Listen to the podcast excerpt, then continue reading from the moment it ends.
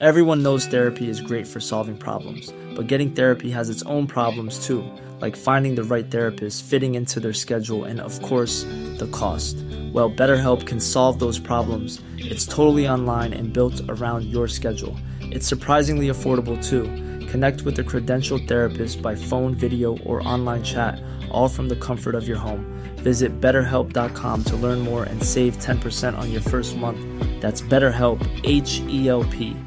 I'm Sandra, and I'm just the professional your small business was looking for. But you didn't hire me because you didn't use LinkedIn jobs. LinkedIn has professionals you can't find anywhere else, including those who aren't actively looking for a new job but might be open to the perfect role, like me.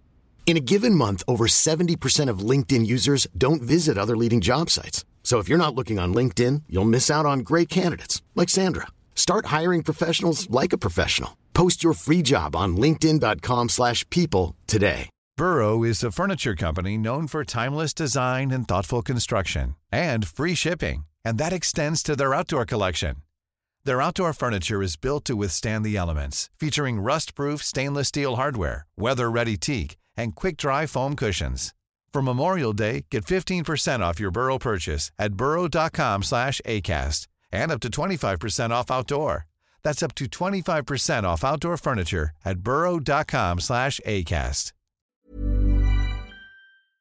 Helt siden de første menneskene slo seg ned i Trøndelag, har det blitt observert underlige lys over Hessdalen. Fenomenet har blitt forsøkt bortforklart som syner sett av bygdetullinger og deliriske hallusinasjoner forårsaket av den lokale drikkekulturen. Men det skulle vise seg at fenomenet stakk langt dypere, når Hessdalen-fenomenet fikk verdensomspennende oppmerksomhet i ufo-miljøet på 1980-tallet. Fenomenet er fremdeles der, og det er fremdeles like uforklarlig som den gang. I 2024 kommer en podkastserie i seks deler, produsert av Project Hessdalen, som kanskje en gang for alle skal finne svar på hva som rører seg på himmelen i denne bortgjemte dalen i Trøndelag. Serien har som seg hør og bør fått tittelen A Blaze in the Northern Sky, og den kommer til din favorittpodkastavspiller i 2024.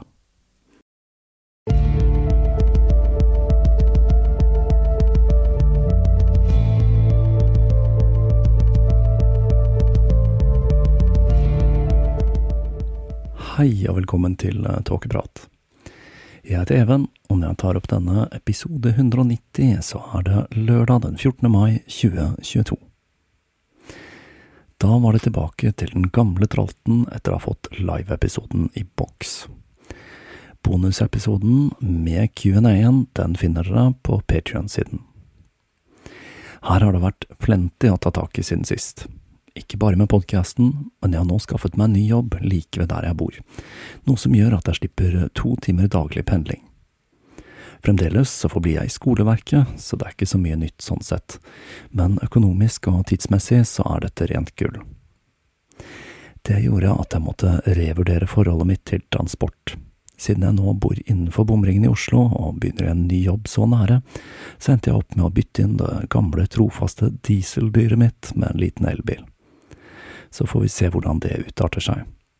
Men slik jeg har regnet på det, så blir det en ganske bra langsiktig økonomisk gevinst der også, som jeg nok må belage meg på å låne bil dersom jeg skal legge ut på langtur.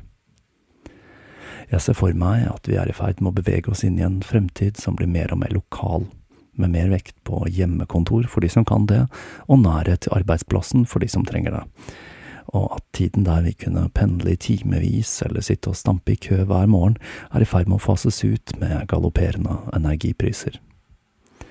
Det aller beste for min del hadde selvsagt vært å slippe å måtte dra noen plass i det hele tatt, og kunne bruke tiden min på å sitte her og snekre sammen episoder til dere lyttere. Men enn så lenge så har jeg nå i det minste et par ekstra timer om dagen å gjøre nettopp dette på. Det skulle skje noe litt uventet i etterkant av bilkjøpet. Jeg har nemlig gått i anskaffelse av en oransje metallic Fiat 500, en farge jeg ikke har sett på Fiat 500 på veien tidligere. Men da jeg kom på jobb i min splitter nye bil, viste det seg at en kollega hadde kjøpt en helt identisk Fiat, oransje metallic og til og med samme årsmodell som meg. Det var en av de litt underlige, uforklarlige tilfeldighetene livet noen gang har å by på, men kanskje ikke fullt så underlig som den historien vi skal se nærmere på i denne episoden. Den siste tiden har jeg også forsøkt å få med meg litt litteratur som ikke er relatert til podkasten, for det er ikke til å stikke under en stol at det fort kan bli litt tørt. Jeg nevnte jo hvordan jeg nylig gjenoppdaget George Orwells Animal Farm og jeg leste denne faktisk to ganger på rad, da den er ekstremt god, i tillegg til å være en tynn, lettlest liten sak. Jeg fulgte opp denne med å lese 1984 på ny, før jeg baga meg i kast med litt samtidslitteratur med The Coddling of the American Mind av Jonathan Haight, som ser litt nærmere på hvordan Gen Z har blitt preget av å vokse opp i et overbeskyttet samfunn og med de sosiale mediers ekkokamre. Siden livepodcasten så har jeg også hørt meg gjennom lydbokutgaven av den siste boka til Douglas Murray, The War on the West. Og nettopp den har gjort at jeg har sendt et par tanker til George Orwell. Douglas Murray er en konservativ britisk forfatter og politisk kommentator, som i tillegg til å ha høstet mye heder og ære, har blitt beskyldt for å helle bensin på bålet til konspirasjonsteoretikere på ytre høyrefløy, og det er ikke så vanskelig å se hvordan deler av arbeidet hans kan brukes på den måten, selv om jeg tviler sterkt på at det er hensikten fra Murrays side. Det er en grunn til at jeg valgte nettopp lydbokutgaven av boka hans. Med britisk aksent og bitende tørr sarkasme, så er det ganske fornøyelig å høre Murray plukke fra hverandre amerikansk outrage og woke-kultur fra et akademisk ståsted.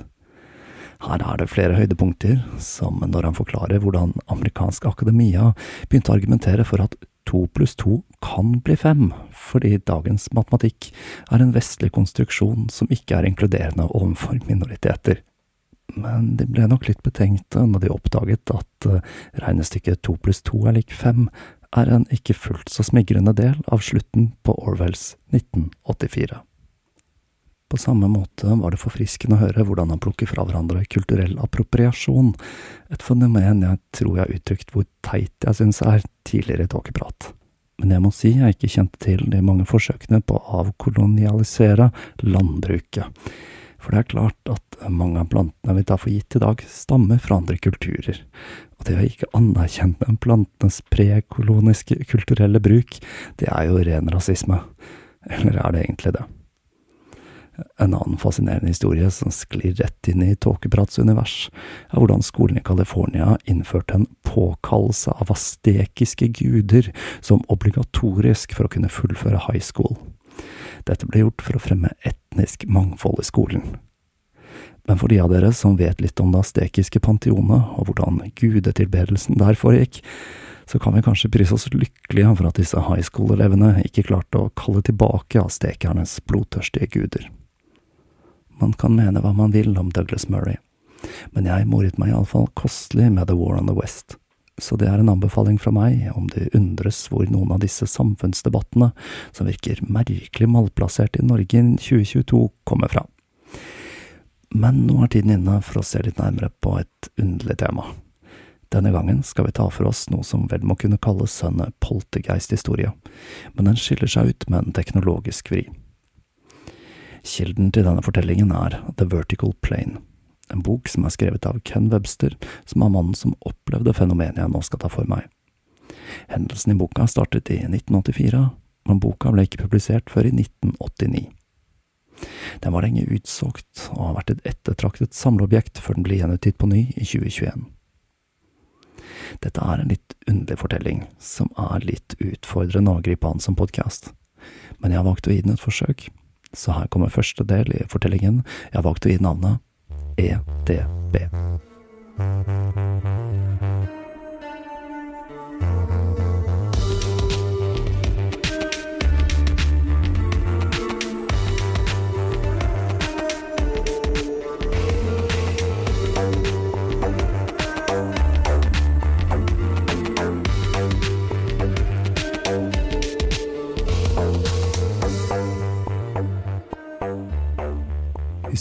Starter i september 1984, i den lille landsbyen Doodlestone i Cheshire, hvor Ken Webster og den 19 år gamle kjæresten Debbie hadde kjøpt seg et nedslitt hus, Meadow Cottage, fra 1700-tallet, som de to restaurerte. Ken jobbet som lærer, og de to syslet med et band på fritiden. En dag fikk de besøk av venninnen Nicola Buggerley, som hadde vært på en rundtur i Øst-Afrika, og som var blakk og trengte et sted å bo.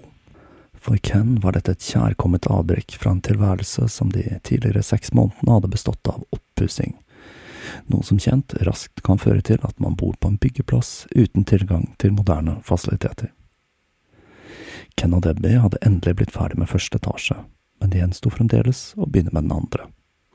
Men siden arbeidet hadde vært en prøvelse, ikke minst for forholdet deres, hadde Ken bestemt seg for å vente med dette til våren. Nicola, som de bare kalte Nick, så seg rundt i huset, og hun stoppet litt perpleks opp foran døren mellom badet og kjøkkenet. Hva er det? spurte hun. Det hun refererte til, var noe som så ut som fotavtrykk på veggen. Det var først litt vanskelig å få øye på fotavtrykkene, som så ut til å stamme fra barneføtter. De gikk ut ifra at det hele dreide seg om en spøk og malte over dem. Morgenen etter de ble malt over, sto Ken og betraktet veggen. Da gikk det kaldt nedover ryggen hans.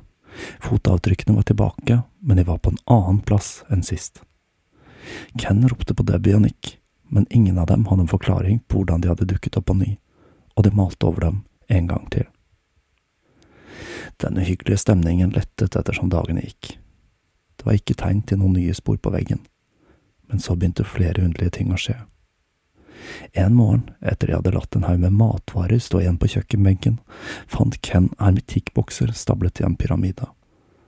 Igjen hevdet Nick å ikke ha noe med saken å gjøre, og de tre begynte å mistenke at det var en av bandkollegaene deres, enten gitaristen John eller keyboardisten Stennett, som sto bak det hele, for de hadde nemlig tilgang til huset. Etter et par dager så skjedde det på ny. Denne gangen var det et par lemonadeflasker, kattemat og kjøkkenruller som var stablet, og denne gangen så det litt mer avansert ut enn hva de mente John kunne klare å få til.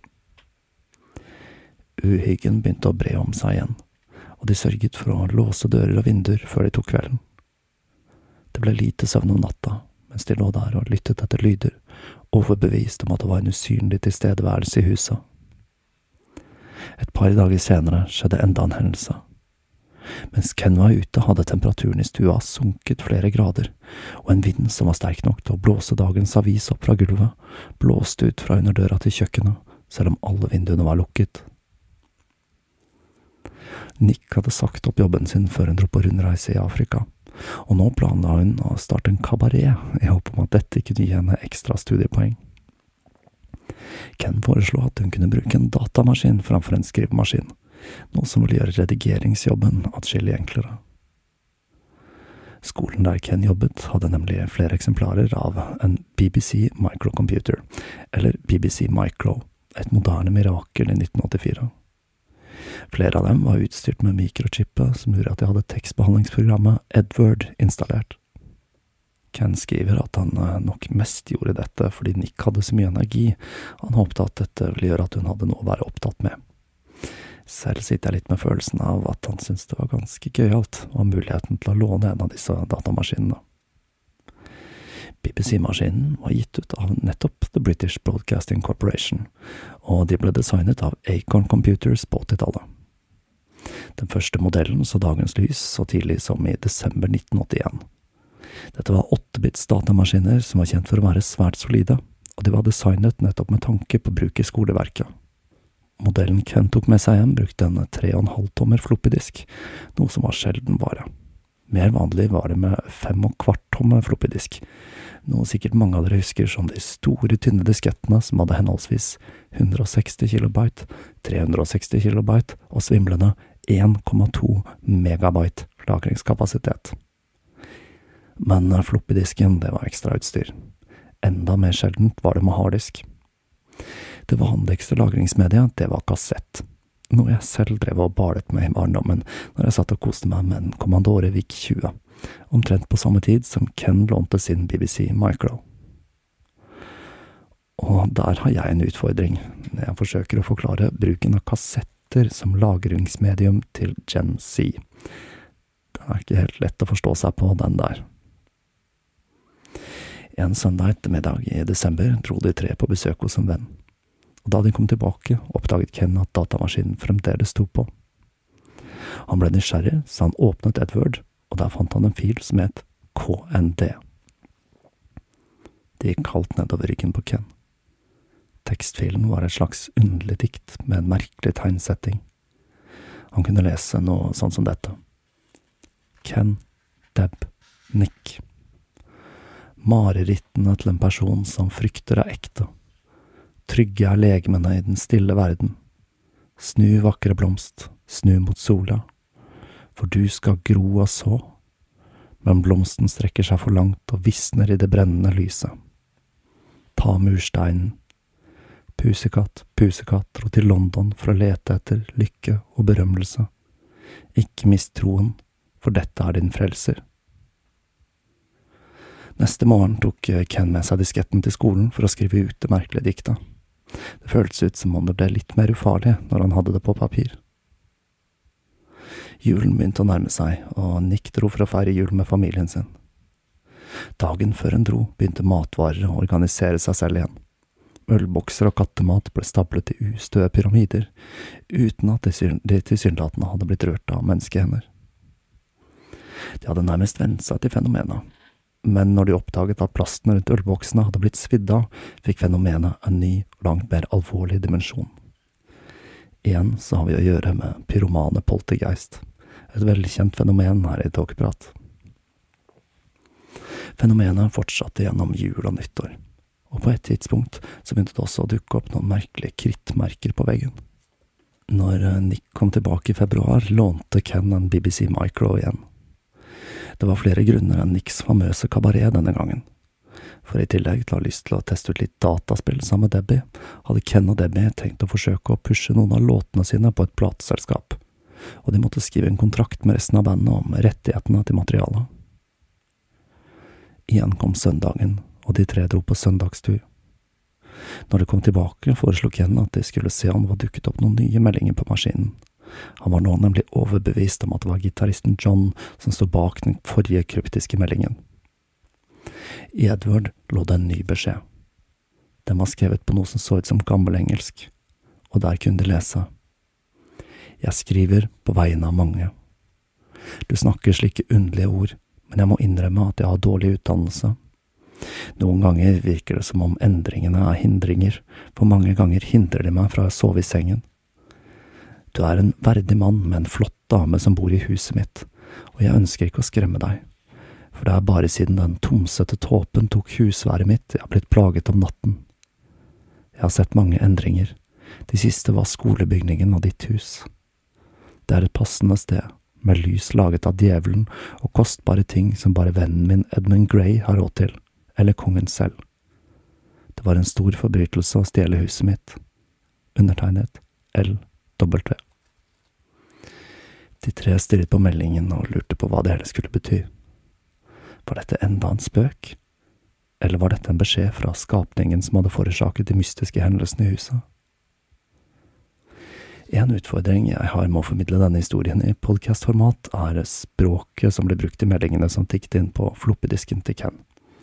For nettopp språket som ble skrevet i meldingene, er noe av det Ken Webster bruker for å bevise at dette ikke dreier seg om et ordinært pek. Jeg kommer i stor grad til å styre unna språk. There's never been a faster or easier way to start your weight loss journey than with PlushCare. PlushCare accepts most insurance plans and gives you online access to board-certified physicians who can prescribe FDA-approved weight loss medications like Wigovi and Zepbound for those who qualify. Take charge of your health and speak with a board-certified physician about a weight loss plan that's right for you. Get started today at plushcare.com slash weight loss. That's plushcare.com slash weight loss. plushcare.com slash weight loss. If you thought the only way to get a more defined jawline with natural-looking results was through surgery, think again. Juvederm Volux XC is a non-surgical injectable gel filler that improves moderate to severe loss of jawline definition and can help you achieve natural-looking results with little downtime. Even better, this improved definition lasts up to one year with optimal treatment. No maintenance required. Improve jawline definition for a smooth, sculpted look with Juvederm Volux XC. For important safety information and to find a licensed specialist, visit juvederm.com. That's J U V E D E R M.com. Not for people with severe allergic reactions, allergies to lidocaine, or the proteins used in Juvederm. Common side effects include injection site redness, swelling, pain, tenderness, firmness, lumps, bumps, bruising, discoloration, or itching. There's a risk of unintentional injection into a blood vessel, which can cause vision abnormalities, blindness, stroke, temporary scabs, or scarring. Talk to a licensed specialist to find out if it's right for you. analyse denne serien. Så for de som er interessert i det, så vil jeg anbefale å kjøpe en kopi av The Vertical Plane. Siden Ken jobbet på en skole, og en av kollegaene hans, Peter Trinder, var engelsklærer, tok han med seg en utskrift av beskjeden og viste den til ham. Peter ble forbløffet, og ikke minst svært entusiastisk da han fikk lese den og etter å ha blitt forsikret om at det hele ikke var en spøk, så vidt Ken selv visste, ba han om å få flere utskrifter av eventuelle meldinger om det skulle dukke opp flere. Hvis dette er en bløff, er det en særdeles god en, var tilbakemeldingen Ken fikk. Den neste søndagen, den 9. februar, fikk de besøk av en piperøykende venn, John Cummings, som ble svært så entusiastisk når han fikk høre om hendelsen i huset. Han var svært så insisterende på at de måtte svare på meldingen, og etter å ha tenkt seg litt om, så kom de fram til at det kunne iallfall ikke skada. Ut ifra språket som hadde blitt brukt, kom de fram til at personen som skrev, levde på begynnelsen av 1600-tallet. Og de knastet inn en beskjed der de spurte litt om tiden han bodde i, hvem kongen var når han levde, hva, slag, hva landsbyen hans het, og ikke minst så takket de ham for å ikke gjøre dem redde. Det hele føltes mest som en spøk, og de alle humret litt når meldingen ble lagret på disken. Svaret kom allerede neste dag, og der kunne de lese at kongen var Henrik den åttende, som var 48 år, og at datoen var 1521.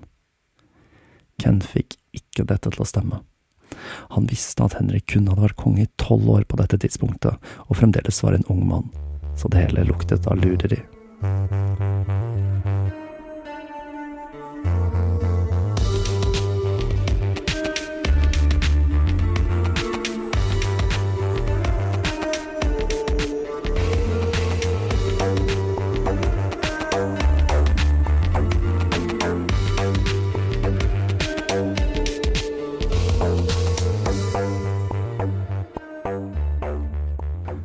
Den 16. februar tok Ken igjen med seg datamaskinen hjem. Denne gangen kun for, for, å ta kontakt med denne LW, og for å finne ut litt mer om hvem som sto bak det hele. Han satte seg til å skrive en rekke med spørsmål, blant annet om familien til denne LW. Etterpå tok han seg en kjøretur i Jaguaren sin. Han var nemlig en Jaguar-entusiast, han Ken. Og når han kom tilbake, så fant han en stabel med melkekartonger på gulvet, og ikke minst så var skjermen til BBC-en full av tekst. For det første så var meldingen signert med et navn denne gangen, Lucas, og han skrev at han ikke hadde noe familie å snakke om, da kona hans hadde blitt tatt av pesten i 1517 mens hun var gravid. Videre fortalte han at han drev med bygg til ølproduksjon, og han la ut i det vide og den brede om sko, og hvordan sko av svinehud var spesielt bra, men at de var for kostbare, slik at han kun fikk den typen sko om han hadde sin egen gris. Ut ifra meldingen virket det også som om Ken og Debbie plutselig hadde dukket opp i huset han bodde i. Det var mye som så galt ut med teksten, ikke minst tegnsettingen, som eh, med bruken av komma og spørsmålstegn, som så litt for moderne ut til å stamme fra 1500-tallet. Selv om det hele luktet av svindel, så ble Ken, Debbie og ikke minst Peter mer og mer fascinert av fenomenet. Peter begynte å sjekke ut stavemåten til enkelte av ordene, og fant ut at de stemte svært godt med stavemåten man hadde i perioden denne Lucas hevdet å være fra, til tross for den rare tegnsettingen. Den neste meldingen dukket opp den 18. februar, også denne gangen mens Ken var ute på kjøretur. Denne gangen klaget han blant annet over at de bråkte litt mye, men han skrev også at han likte fløytespillet til Debbie og gjerne ville høre mer av det. Debbie og Ken dro til biblioteket i håp om at de kunne finne et hint om hvem denne Lucas var.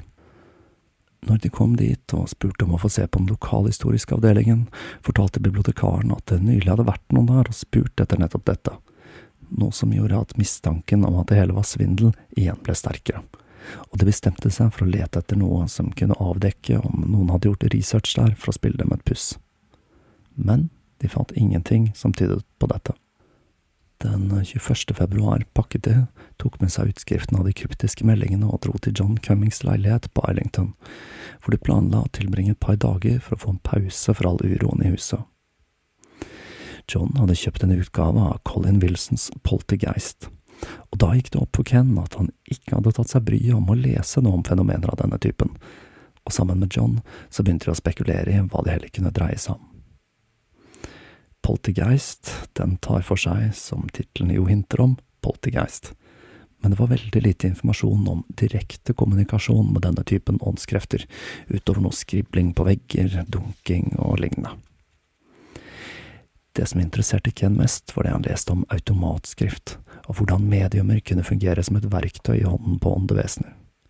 Kanskje datamaskinen rett og slett fungerte som et godt gammeldags medium. Et annet fenomen som fanget interessen deres, var såkalte leylinjer. En gammel klassiker der. Dette dreier seg om en idé som oppsto i Europa på 1900-tallet, om at gamle strukturer som bygninger, hellige steder osv. ble plassert på et nettverk av linjer som konsentrerer jordenergi, og noen mener at dette er gjort for å signalisere til utenomjordiske fartøy. Mer aliens der, altså. Alt dette gjorde at de trakk slutningen om at de hadde fått et helt spesielt fenomen i hus. Det hadde en rekke av karakteristikkene til poltergeist, som å flytte objekter osv., og, og at hva de opplevde som en slags underlig tidsforskyving, kanskje kunne tenkes å skyldes at huset lå på en slik leilinje. Eller kanskje det bare dreide seg om en bløff. En venn av John Rod Emberton, som var en ihuga skeptiker, forsøkte å overbevise dem om dette ved å peke ut åpenbare feil i beskjedene, som blant annet at det aldri hadde vært en bro på et sted i Di-elva Luka snakket om. De fire satte seg ned med alle meldingene for å forsøke å analysere dem. Det første, dikta, passet ikke inn i mønsteret, verken i innhold eller språkbruk. De senere meldingene hang sammen og så ut til å være skrevet av samme person men det inneholdt flere åpenbare feil, som henvisninger til steder som ikke fantes, i tillegg til denne moderne tegnsettingen. Men om det hele var en bløff, gjensto det å finne ut hvordan meldingene kunne dukke opp på maskinen tilsynelatende av seg selv. Når de kom hjem igjen, fortsatte poltergeist-aktiviteten. Noen ganger flyttet objekter seg bare de snudde ryggen til, og mot slutten av februar leide Debbie seg sitt eget hus for å få det hele litt på avstand. Ken hadde ikke hatt en datamaskin i huset på over en uke når eh, en dag han kom hjem, en diskett som var merket Lucas W, hadde flyttet seg fra hyllen den lå på, tatt ut av omslaget og blitt lagt pent på kjøkkenbordet. Ken tolket dette som en klar beskjed om at Lucas ville kommunisere. Han begynte også å få problemer med å sove i huset, og han begynte å overnatte hos Debbie. Når de to sov i huset hans, var det med lyset på og med en frykt for at Lucas plutselig skulle dukke opp ved sengekanten men til tross for at de var redde, lot de nysgjerrigheten ta overhånd, og de lånte en datamaskin igjen og skrev en beskjed til Lukas. Lukas svarte at han ikke forsto hvorfor de var redde, da det var de som plutselig hadde dukket opp i hans hus. Men han skrev også at han anså dem for å være vennlige, og at de kunne få være så lenge de ville. Videre fortalte han at tjeneren hans trodde at han innbilte seg det hele, og at han kanskje hadde blitt forgiftet slik at han så og hørte ting. Han skrev også at kongens sheriff hadde begynt å mistenke at det foregikk noe muffens i huset, og sheriffen hadde hørt rykter om dette skjulte apparatet. Så skulle Ken forsøke seg på noe nytt. Siden han var så opptatt av biler, så skrev han en melding der han beskrev Jaguaren sin, og han klippet ut et bilde fra en annonse for Jaguar, og la dette ved siden av datamaskinen. Da han kom tilbake, var bildet brent i kantene, og det var en ny beskjed på disketten. Min gode venn, jeg har funnet bilde av vognen, men det er en primitiv en, for uten hest kan den ikke rekke langt. Hva er det ukjente treverket? Det er som silke, jeg kan ikke beskrive det på noen annen måte. Treverket han refererte til, var selvsagt papiret, noe hen fra 1500-tallet aldri hadde sett før. Det brente fotografiet er for øvrig bevart og avbildet i vertical plane. Korrespondansen fortsatte, og nye meldinger tikket inn omtrent hver andre dag.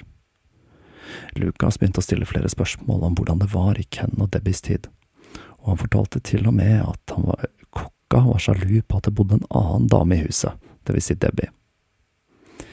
Meldingene begynte etter hvert å uttrykke en viss frykt, og Lucas undret seg om hvordan Ken kunne snakke til ham og påstå at han var i live, selv om han åpenbart ikke var det. Samarbeidet med Peter fortsatte, og han var fremdeles svært interessert i å lese hver eneste melding som dukket opp på maskinen, og de ble enige om at de måtte forsøke å eliminere potensielle bløffmakere. De første kandidatene var selvsagt Ken og Debbie selv. De tenkte for eksempel på muligheten at det hele kunne skyldes en underlig form for søvngjengeri, så Debbie hørte om moren og broren ikke kunne være sammen med henne for å sikre seg at det ikke var hun som sto bak meldingene. Den andre utfordringen var å koble meldingene til faktiske historiske hendelser, og Peter foreslo at de skulle ta kontakt med The Society for Psychical Research, SPR, i håp om at de kunne gi noe bistand til å løse gåten. SPR dukker jo opp jevnt og trutt her i Tåkeprat. Dette er altså en britisk non-profit-organisasjon som ble opprettet i 1882 for å studere parapsykologiske fenomen. I tillegg skulle de forsøke å oppgradere sikkerheten i huset, slik at det ville bli vanskeligere for potensielle inntrengere å ta seg inn der. Poltergeist-aktiviteten, den fortsatte som normalt, hadde jeg nært sagt, og det samme gjorde meldingene. Blant annet så kom det en melding direkte til Debbie, der Lucas skrev at hun var svært vakker, men at hun måtte finne sin plass i hjemmet. Samtidig skrev han at han gjerne ville snakke med Peter Trinder, da han mente at det ville være enklere å kommunisere med han enn Ken. Ken hadde nemlig forsøkt å tilpasse språket sitt til det Lucas skrev, og det falt tydeligvis ikke i smak, og det virket som om Lucas trodde at Ken var lavt utdannet. I tillegg til å stable gjenstander begynte fenomenet nå å manifestere seg som dunk- og bankelyder, som tidvis var så påtrengende at Ken måtte sette på musikk for å overdøve dem.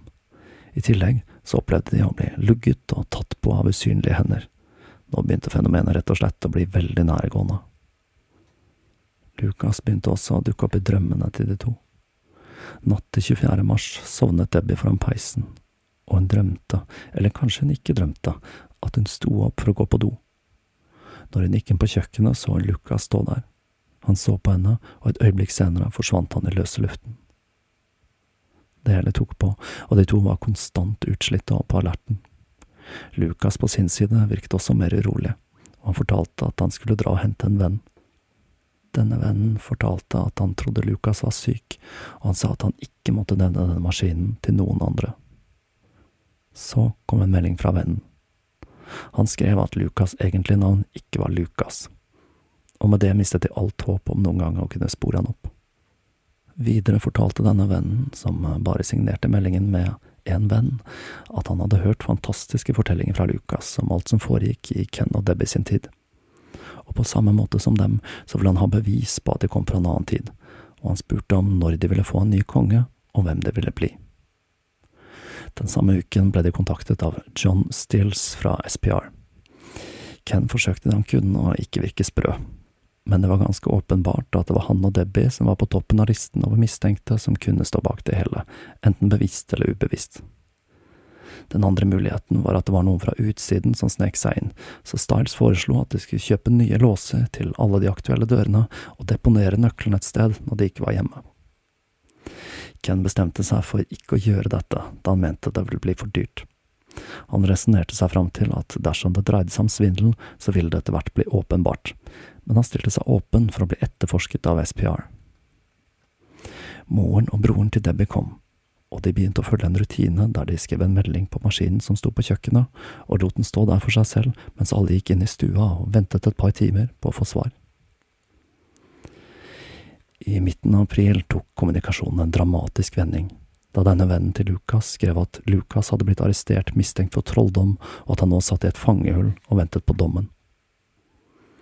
De forsøkte å forhandle på vegne av Lukas, og denne vennen snakket med sheriffen, som sa at han ville komme innom neste dag, og at dersom de kommuniserte direkte med ham og viste seg for ham, så ville han benåde Lucas.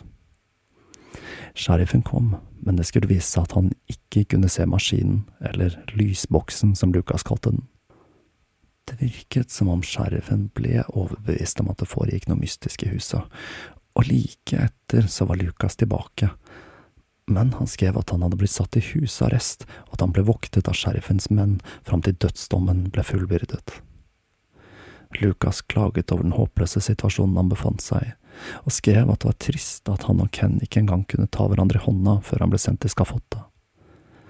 Men så skrev han noe som fikk Ken til å sperre øynene opp. Du sier du er fra 1985. Jeg trodde at du også kom fra 2109, slik som vennen din, som hadde med seg lysboksen. Og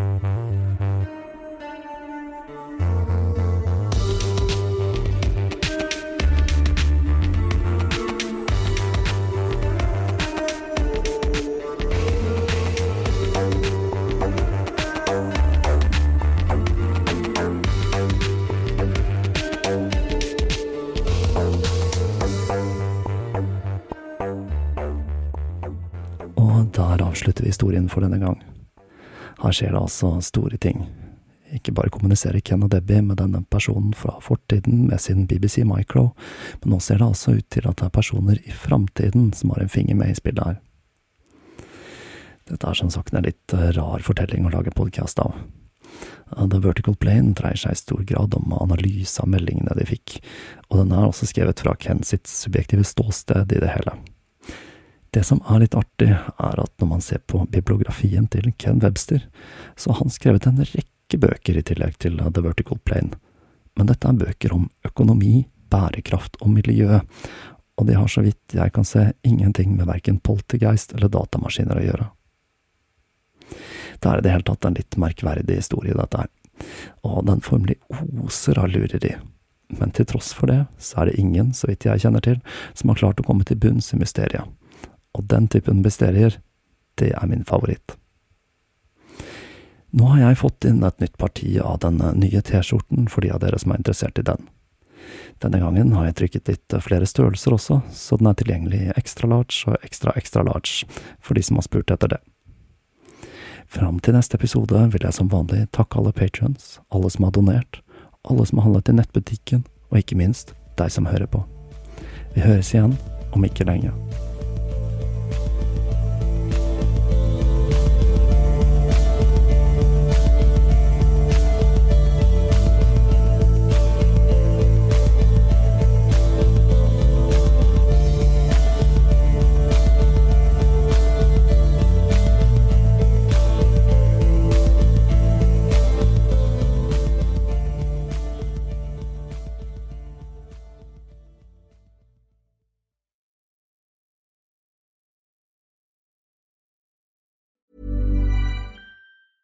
Planning for your next trip? Elevate your travel style with Quince. Quince has all the jet setting essentials you'll want for your next getaway, like European linen, premium luggage options, buttery soft Italian leather bags, and so much more. And is all priced at 50 to 80% less than similar brands. Plus, Quince only works with factories that use safe and ethical manufacturing practices. Pack your bags with high-quality essentials you'll be wearing for vacations to come with Quince. Go to quince.com slash pack for free shipping and 365-day returns.